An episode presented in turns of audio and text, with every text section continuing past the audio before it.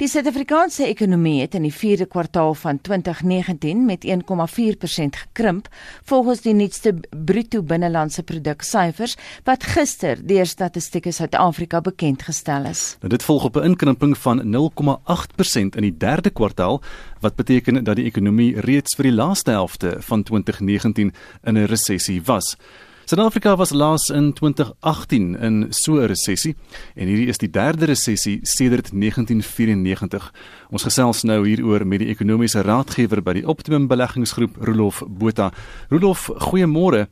Ons luister gou vinnig eers na president Cyril Ramaphosa se reaksie op die resessie nuus. Now the poor growth figures for the last quarter are not pleasing, but at the same time they could not have come as a shock or a surprise to us because the signs were there. Uh, the signs were there, and that drive us to this uh, lack of growth and this uh, technical recession that we are in now has uh, been there for all of us to see. It's been the load shedding and the impact that it has had on production, both at the manufacturing level as well as with trade.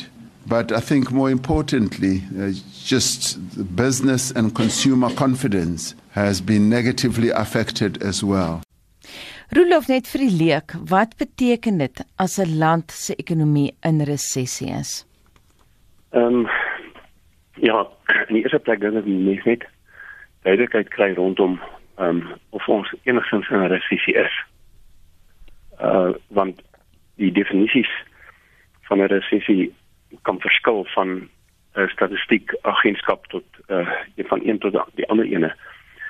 Jy weet ongelukkig wat statistiek uh, Suid-Afrika blykbaar doen is dat hulle kyk na 'n kwartaal se totale uitset en afgelyk hom met 'n met die jaar gelede sin en en dan neem hulle aan dat daardie sê maar is 'n effense uh, insinking op 'n jaar op jaar basis dan neem hulle aan dat hulle nou sy seisoensaanpassing met 'n formuletjie sonder om enigsins in ag te neem wat die volgende kwartaal kan gebeur met landbou byvoorbeeld of met mynbou of met 'n uh, nuwe regeringsbeleid. Uh en en ek weet nie waar dit hier aankom nie want uh jy weet hierso kyk ek na die syfers. Jy weet die ehm um, die die BBP het uh in in ons ons BBP vir 2019 was 5.08 triljoen rand. Dit was in 2018 5.07 triljoen. Dit is groei. Die ons het uh, in die vierde kwartaal vir hierdie jaar het ons in reële terme meer geproduseer as in die derde kwartaal. Ons het in die derde kwartaal meer geproduseer as in die tweede kwartaal. So ek moet eerlik wees, volgens my is ons nie in 'n resessie nie. Rolof, jy praat net so van die tegniese definisies wat gewoonlik twee kwartaale is van inkrimping volgens die syfers soos jy nou eh, daar verduidelik. Ehm um, wat dink jy van van in hierdie stadium Maart 2020 en met die met beerdkrag in ag genome is ons moontlik nou in 'n resessie of nie? Ja, uh, ek het nou eintlik al die goeie nuus gegee in, in die sin dat uh volgens die die werklike syfers is is ons hoegenaamd nie in 'n resessie nie. Jy weet wat my bekommer is eh, ek kan verstaan as as die eerste kwartaal nou verby is en 'n mens van nou uh, met een of ander tipe formule uh, sê ons het nou soveel geproduseer Januarie, Februarie, Maart. Uh, wat gaan ons nou dalk produseer die res van die jaar? Maar net 'n 'n formule in te sit wat nie in ag neem uh, en enige uh, baie duidelike seisonale veranderinge soos byvoorbeeld landbouproduksie. Ek sien dat die landboubesigheidskamer het in hulle reaksie ook gesê maar eh, dit is nou so dat hulle het verwag daar gaan 'n effense inkrimping in in die landbousektor wees uh, wat natuurlik 'n deursyferende waardeketting het maar hulle verwag dat 2020 gaan 'n baie goeie jaar wees. So hier is heeltemal uiteenlopende benaderings wat gevolg gaan word. Ehm um, die eerste kwartaal is nooit 'n goeie kwartaal nie want baie mense kom uh, min mense begin die 2 Januarie werk. Uh Suid-Afrikaners is uh, ek, ek wonder hoeveel mense begin die 2 Februarie werk dis van die probleme wat ons het dat Januarie is nie 'n baie produktiewe maand nie. Februarie is die kortste maand van die jaar. En uh so en en die teen einde Maart begin mense voorberei vir die Paasvakansie vir vir die feestydwerk uh, in die meer so dit is nie 'n goeie kwartaal nie ek is effens bekommerd oor wat in hierdie kwartaal gaan gebeur en ook op uh hoe statistiek SA dit nou gaan bereken. Die feit van die saak is dat ons ekonomie groei baie stadig.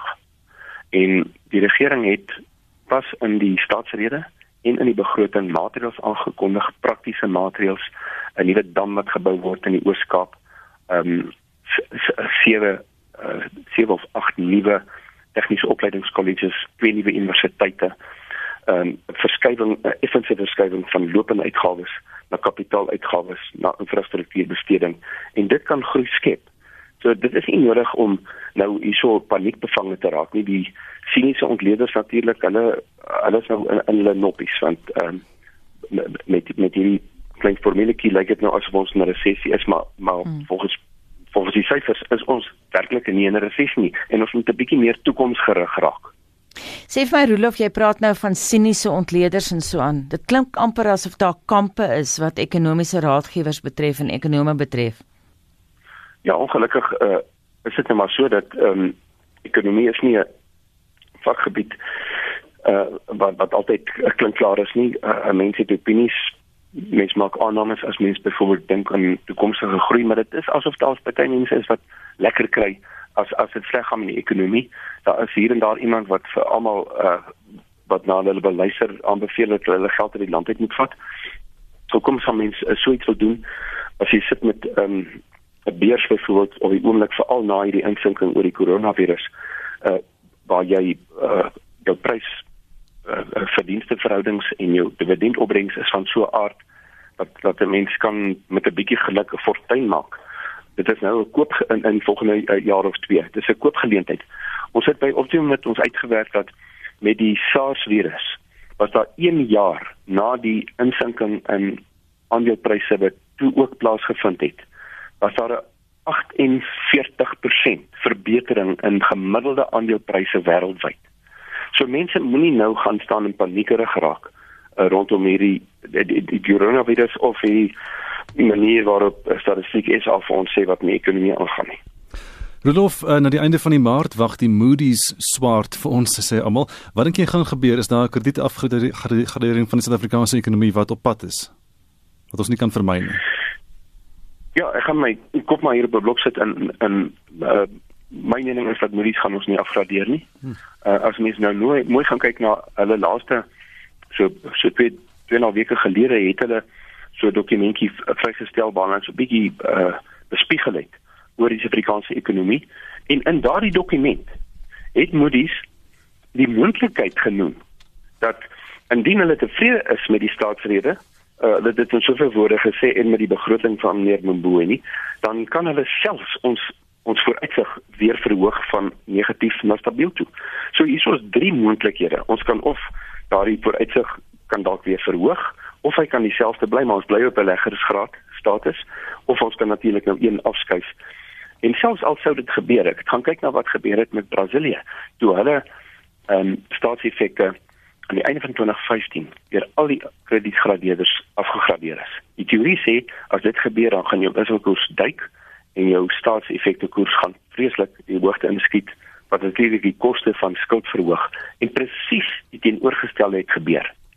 En ons die die rand en die Brasiliaanse real volg nou al vir 9 jaar lank byna dieselfde patroon en ek is oortuig daarvan enige moontlike afgradering wat ek regtig nie glo gaan gebeur nie is reeds verdiskonteer. So weer eens, uh, dit is nie nodig om nou oormatige vrese te hê nie. Ons moet onsself uh, liewer toespits op wat die regering nou wil doen en wat hulle besig is en dit is om saam met die private sektor te werk. Ons het dit gesien nou met die landbou uh, ontwikkelingsagentskap se skep se totstandkoming. Ons sien dit met die motorbedryf. Het vir die meeste voertuie uitgevoer uh, in terme van waarde in ons geskiedenis.